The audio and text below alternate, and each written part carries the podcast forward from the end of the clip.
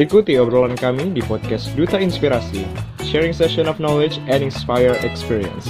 Have fun and enjoy. Assalamualaikum warahmatullahi wabarakatuh. Halo Sobat Inspirasi Indonesia, selamat pagi, selamat siang, selamat sore, dan selamat malam di mana pun kalian berada. Bagaimana nih kabarnya? Semoga kalian semua dalam keadaan sehat walafiat ya. Senang sekali pada kesempatan kali ini, aku bisa berjumpa dengan kalian semua di Duta Inspirasi Podcast. Bergerak terinspirasi, berdampak menginspirasi. Bersama aku, Fahmi Nur Alim, dari Duta Inspirasi Indonesia Batch 6, Provinsi Jawa Barat. Yang pada kesempatan kali ini bisa menyapa Sobat Inspirasi dalam episode Ngampus atau Ngobrol Masalah Kampus episode 6 dengan tema seputar KKN ladang implementasi ilmu dan pengabdian. Wah, pastinya seru banget nih. Dan pada kesempatan kali ini, Fahmi ditemani oleh narasumber yang sangat-sangat keren dan juga menginspirasi. Siapa lagi kalau bukan Kak Novia Putri. Aku izin bacakan CV dari beliau ya, Sobat Inspirasi. Beliau bernama Novia Putri Wardani, seorang mahasiswa dari Universitas Brawijaya yang memiliki segudang pengalaman dan juga prestasi yang luar biasa menginspirasi. Kak Novia ini menjuarai banyak sekali loh perlombaan kepenulisan baik tingkat nasional maupun internasional dan juga menjadi speaker dalam berbagai kegiatan. Masya Allah sekali ya Sobat Inspirasi. Nah karena narasumber kita hari ini udah ada di tengah-tengah kita nih, langsung aja kita sapa nih. Halo Kak Novia. Halo Fahmi, apa kabar? Alhamdulillah baik Kak. Gimana nih Kak kabarnya? Alhamdulillah aku juga baik. Oke. Oh iya Kak, boleh tahu gak sih Kak kesibukan Kak Novia ini akhir-akhir ini tuh apa aja? Mungkin di sini Sobat Inspirasi udah pada penasaran nih sama Kak Novia. Oke, kalau kesibukan ya, karena aku di sini udah semester 7, udah menuju semester akhir. Alhamdulillah kesibukannya itu skripsi, lagi penelitian sekarang. Doain ya teman-teman, semoga lulus cepat.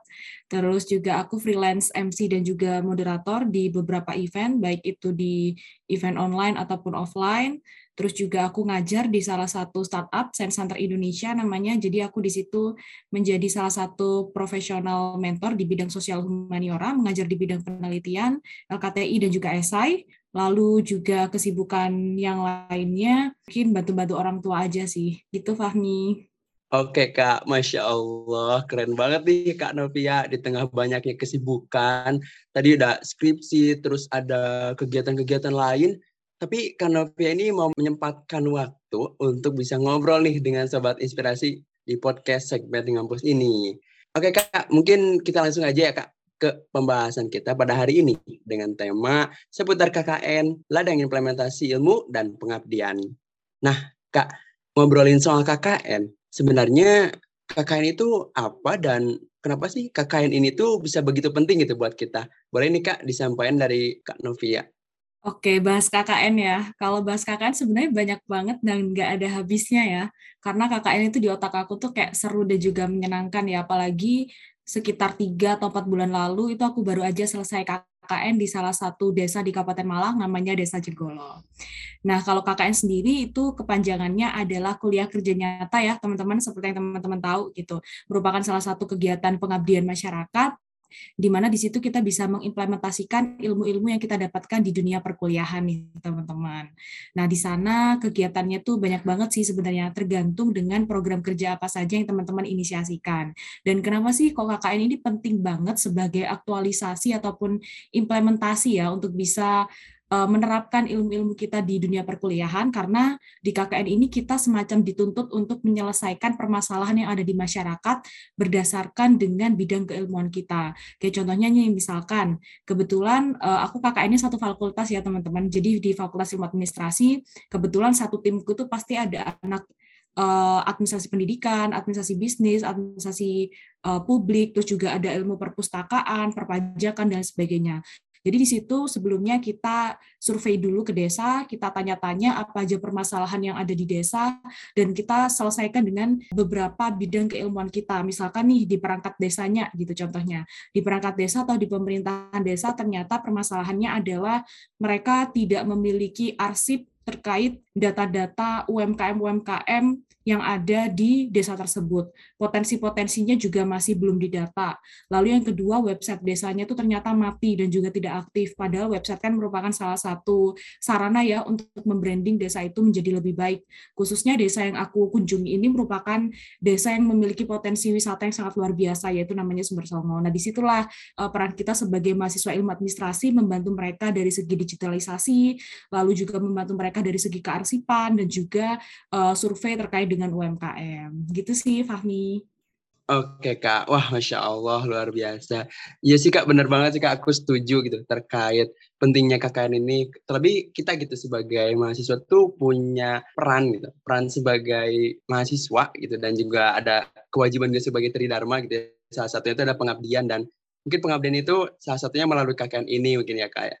Oke, mungkin melanjutkan dari pertanyaan sebelumnya nih kak. Menurut dari Kak Novia, apa sih benefit atau mungkin manfaat gitu yang bisa kita dapatkan dengan mengikuti KKN ini, Kak?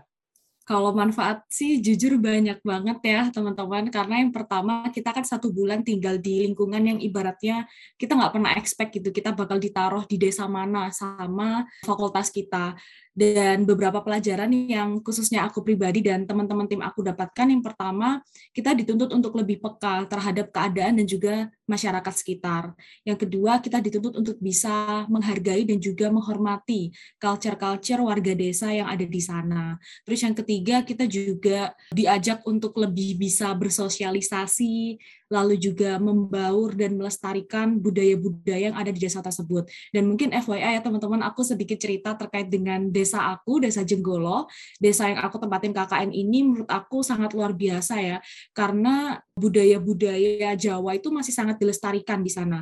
Misalkan nih, kalau teman-teman tahu, teman-teman Jawa Timur biasanya tahu terkait dengan tembang macopat, bahkan di desa Jenggolo itu ada yang namanya komunitas tembang macopat. Jadi di sana setiap satu minggu sekali di bulan Selasa, mereka itu menyanyikan tembang macopat di sekitar makam leluhur, mulai dari jam 8 sampai jam setengah 2 pagi. Mungkin ini salah satu fun fact ya, dan hal yang kayak, wah serem banget gitu. Tapi ternyata kita yang, kita anak-anak kuliahan yang notabene sudah jarang untuk berbaur dengan warga desa, akhirnya kita tahu terkait dengan budaya tersebut, kita jadi amazed gitu karena mereka ternyata sebegitunya gitu untuk melestarikan budaya-budaya Jawa, khususnya tembang macopat itu tadi. Terus juga culture mereka gotong royong gitu. Nah, itu masih sangat dilestarikan. Kerja bakti itu di sana bukan cuma formalitas aja teman-teman untuk kumpul-kumpul, tapi di sana mereka itu setiap dua minggu sekali atau satu minggu sekali tergantung kebijakan dari Bapak RW-nya, mereka itu gotong royong kerja bakti untuk membersihkan tempat-tempat wisata yang ada di sana. Jadi kebetulan di sana itu ada tempat wisata namanya Pesarehan Barso. Pesarehan Barso itu semacam pemakaman ya, pemakaman salah satu leluhur yang dianggap sakti di sana dan itu benar-benar tiap hari rame banget untuk dikunjungi sama orang-orang bukan cuma di desa Jenggolo aja tapi bahkan orang-orang luar kota itu rela datang begitu untuk berdoa kepada sang leluhur.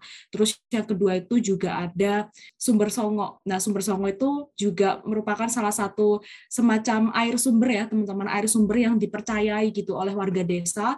Sumbernya itu berjumlah sembilan. Jadi nanti ketika kita mandi ataupun menyucikan diri di sana, itu tuh manfaatnya masih ini macam-macam gitu. Di air terjun yang pertama nanti katanya itu bisa mengobati penyakit. Terus di air terjun yang kedua katanya bisa memperlancar jodoh. Terus air terjun yang ketiga kalau kita berdoa di sana sambil menyucikan diri itu bisa memperlancar rezeki dan sebagainya. Jadi kesembilan sumber itu memiliki maknanya masing-masing teman-teman. Itu sangat luar biasa ya filosofi yang dibangun oleh masyarakat di desa sana. Terus yang ketiga itu ada yang namanya situs Umpak Krapya. Jadi Umpak Krapya ini semacam prasasti ya teman-teman. Ya mungkin uh, situs atau prasasti aku kurang paham karena di situ kita juga nggak boleh sembarangan gitu teman-teman untuk melihat secara langsung empat kerapia itu seperti apa. Tetapi berdasarkan keyakinan juga masyarakat di sana, situs empat kerapia ini juga dijadikan tempat untuk berdoa gitu sama orang-orang yang ada di sana. Dan luar biasanya di sekitar situs Umpak Krepe itu ada sawah berhektar-hektar yang pemandangannya itu luar biasa keren teman-teman. Jadi di situ aku sama teman-teman di era sekarang ya globalisasi dan teknologi yang semakin maju kita diperkenalkan tuh dengan budaya-budaya seperti itu. Akhirnya kita jadi tahu, terus kita juga lebih aware terhadap kebudayaan-kebudayaan yang ada di desa tersebut gitu. Dan itu juga ngebuat kita tertarik begitu untuk mempelajari kelestarian budaya bukan cuma di daerah tempat kita KKN tapi juga di tempat kita tinggal. Kayak gitu sih, Fahmi. Oke, Masya Allah, luar biasa banget nih yang disampaikan sama Kak Novia.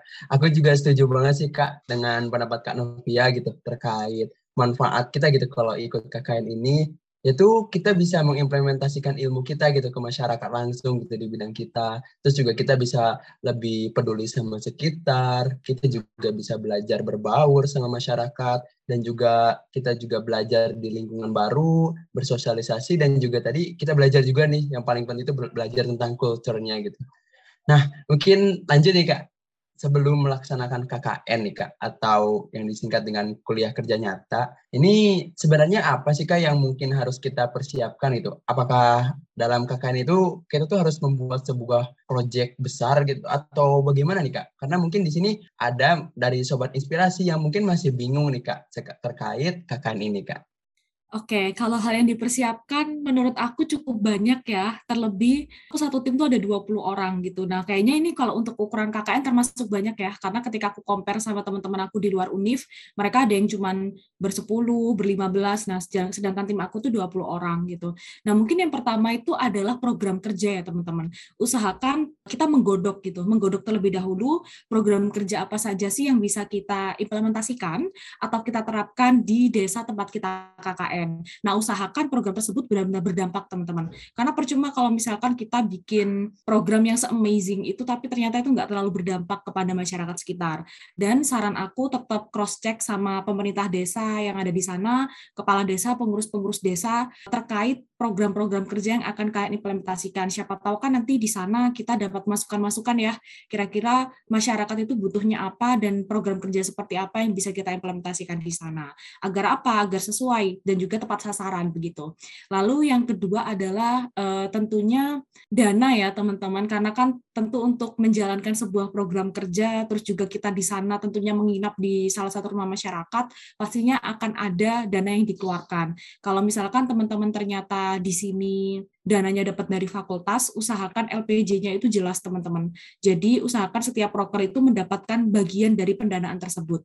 Jangan sampai dana-dana tersebut yang diberikan oleh fakultas ternyata itu cuman bengkak di salah satu proker aja. Misalnya kita ada tujuh broker, tapi ternyata satu broker ini ngabisin duit banyak banget karena kita nggak pinter maintenance uangnya. Sedangkan enam program lain justru terbengkalai, nggak kebagian uang gitu. Nah itu nanti jatuhnya susah di kita sendiri. Jadi usahakan uang yang diberikan oleh universitas ataupun fakultas itu dikelola dengan sangat baik lah oleh teman-teman gitu. Lalu yang ketiga tentunya eh, hal yang kita persiapkan itu kita harus belajar ya teman-teman. Karena belajar belajar ini maksudnya bukan belajar di kelas atau kayak gimana ya. Cuman kita harus belajar untuk memahami teman-teman. Memahami uh, culture ataupun budaya masyarakat yang ada di sana. Misalkan nih kita eh, KKN di desa yang ada di Malang gitu. Berarti kan bahasanya bahasa Jawa tuh. At least tidaknya meskipun kita nggak terlalu bisa bahasa Jawa, kita belajar sedikit-sedikit. Terus kita belajar tata krama orang-orang yang ada di sana itu seperti apa. Kita belajar hal yang dibolehin dan nggak dibolehin untuk dilakukan di sana gitu. Kayak misalkan nih di tempat aku tuh itu sangat pamali banget misalkan waktu maghrib itu kita masih berkeliaran gitu. Nah mungkin ini hal yang udah biasa, tetapi kita uh, di ultimatum gitu sama beberapa warga, tolong kalau misalkan maghrib semuanya di rumah aja gitu, karena uh, nggak enak bla bla dan sebagainya. Udah kita turutin aja gitu. Terus juga ada beberapa yang bilang kalau malam Jumat apa, Jumat Legi atau apa gitu, kita jangan ke pemandian yang ada di sumber songo karena itu nanti diadakan ritual dan sebagainya. Takutnya kita yang tidak berkepentingan atau sedang tidak dalam keadaan suci nanti kenapa-napa dan sebagainya. Jadi rules-rules warga desa seperti itu kita tanyakan dulu sebelum KKN. Supaya apa? Supaya kita nggak salah bersikap begitu di sana dan kita tetap bisa menghargai warga desa. Terus yang keempat mungkin aku ingin mengingatkan juga terkait dengan program kerja itu tolong dibuat untuk serinci mungkin ya teman-teman. Dan kalau bisa juga program kerja itu nggak usah yang terlalu banyak, mengingat juga waktunya teman-teman KKN mungkin paling lama tiga bulan ya yang aku lihat-lihat atau paling sebentar kadang satu bulan kalau bisa program kerja itu dirincikan misalkan nih contoh waktu itu aku ada program kerja fun learning terus pendataan UMKM terus ada juga branding pariwisata Terus yang keempat ini aku agak lupa apa ya. Pokoknya program kerjaku cuma cuma sekitar empat atau lima doang, tapi itu memang uh, detail gitu. Jadi misal fun learning, kita ngajar di SD SD. Nah, itu kita bagi perseksinya tuh seperti apa. Misalkan ada yang uh, seksi kerajinan, terus nanti ada yang bagian untuk mengajar storytelling, yang bagian membawa barang siapa, yang bagian mengajar kelas 1, 2, 3, 4 siapa. Itu harus didetailkan sedetail mungkin seperti kita membuat program kerja di kampus. Terus begitupun program-program yang lainnya. Kayak gitu teman-teman. Jadi supaya nanti di sana kita itu nggak nggak bingung gitu. Karena takutnya kita udah uh, mateng nih gitu. Di fakultas kita udah merincikan program kerja apa aja yang pengen kita bawakan di desa. Ternyata di desanya pembagiannya itu masih kurang. Job desknya tumpang tindih outputnya nggak sesuai terus bingung. Terus ada yang uh, warga desa selek sama kita atau nggak setuju kalau prokernya diadain karena mengganggu dan sebagainya. Nah itu harus benar-benar dipastikan uh, ketika survei. Jadi ketika survei teman-teman harus benar-benar bisa memastikan program kerja kalian itu bisa diimplementasikan. Kalau memang ternyata ada pendapat dari bapak kepala desa yang menyatakan mbak proker ini nggak usah karena takutnya warga masyarakat nggak terlalu setuju gitu kalau ini diadain ya sudah. Nah nanti alternatifnya seperti apa itu didiskusikan. Terus juga mungkin yang terakhir ya teman-teman, eh, ketika warga desa melihat anak KKN, insya Allah semoga saja aku doakan teman-teman juga seperti timku, warga warga warga di desa itu welcome sama kita dan kita sering diajak untuk ke acara-acara desanya mereka kayak acara-acara wayang, acara-acara pengajian, acara-acara berdoa di makam. Mereka itu mengajak kita gitu. Nah, di situ diusahakan teman-teman juga berpartisipasi gitu. Terlepas itu bukan program kerja kalian. Karena apa? Untuk menghormati aja dan supaya kita juga belajar begitu ya terkait dengan budaya-budaya warga setempat. Mungkin kurang lebih itu ya yang bisa uh, aku sampaikan gitu terkait dengan persiapan-persiapan KKN. Selebihnya mungkin bisa persiapan pribadi ya terkait makan, terus juga pembagian kamar uh, dan lain-lain itu atau kendaraan ya mungkin bisa dipersiapkan oleh teman-teman. Baik, masya Allah. Ternyata itu ya sobat inspirasi yang harus kita siapkan sebelum KKN itu tadi aku mencatat nih beberapa di antaranya kayak program kerja yang diimplementasikan itu harus berdampak tentunya. Terus juga jangan lupa buat persiapan dana gitu, baik pengeluaran dari pribadi atau misalnya dari kampus. Terus juga dari kita juga harus mau nih untuk belajar memahami kultur atau budaya dari masyarakat itu. Lalu yang terakhir juga tadi untuk yang program kerja itu dibuat serinci mungkin sesuai timeline kita gitu. Misalnya kalau misalnya dari teman-teman sobat inspirasi ada yang tiga bulan atau satu bulan atau mungkin enam bulan itu disesuaikan gitu. Yang penting adalah rinci gitu. Jadi harapannya teman-teman dari Sobat Inspirasi bisa prepare lebih matang nih biar KKN-nya bisa lebih maksimal ya. Wah nggak kerasa juga nih ternyata kita udah ada di penghujung di podcast ini kak. Nah mungkin sebelum itu boleh nih kak Novia buat menyampaikan closing statement buat Sobat Inspirasi. Oke, kalau closing statement aku pengen nyemangatin aja sih KKN itu nggak semenyeramkan itu kok teman-teman. Apalagi kemarin kan hype banget ya film-film KKN horor di desa penari. Nah kalau asalkan kita menghormati orang-orang di sana menghormati budaya dan juga memiliki tata krama yang baik insya Allah tidak akan terjadi apa-apa teman-teman. Yang pertama itu. Terus yang kedua KKN ini juga akan menjadi ajang untuk teman-teman itu mengetahui karakter satu sama lain karena kita kan pasti yang ibaratnya di rumah bisa aja cuma sama orang tua di kos sendiri tapi ternyata di rumah KKN kita harus uh, bergabung dengan teman-teman yang lain dengan kepribadian dan juga karakter yang berbeda.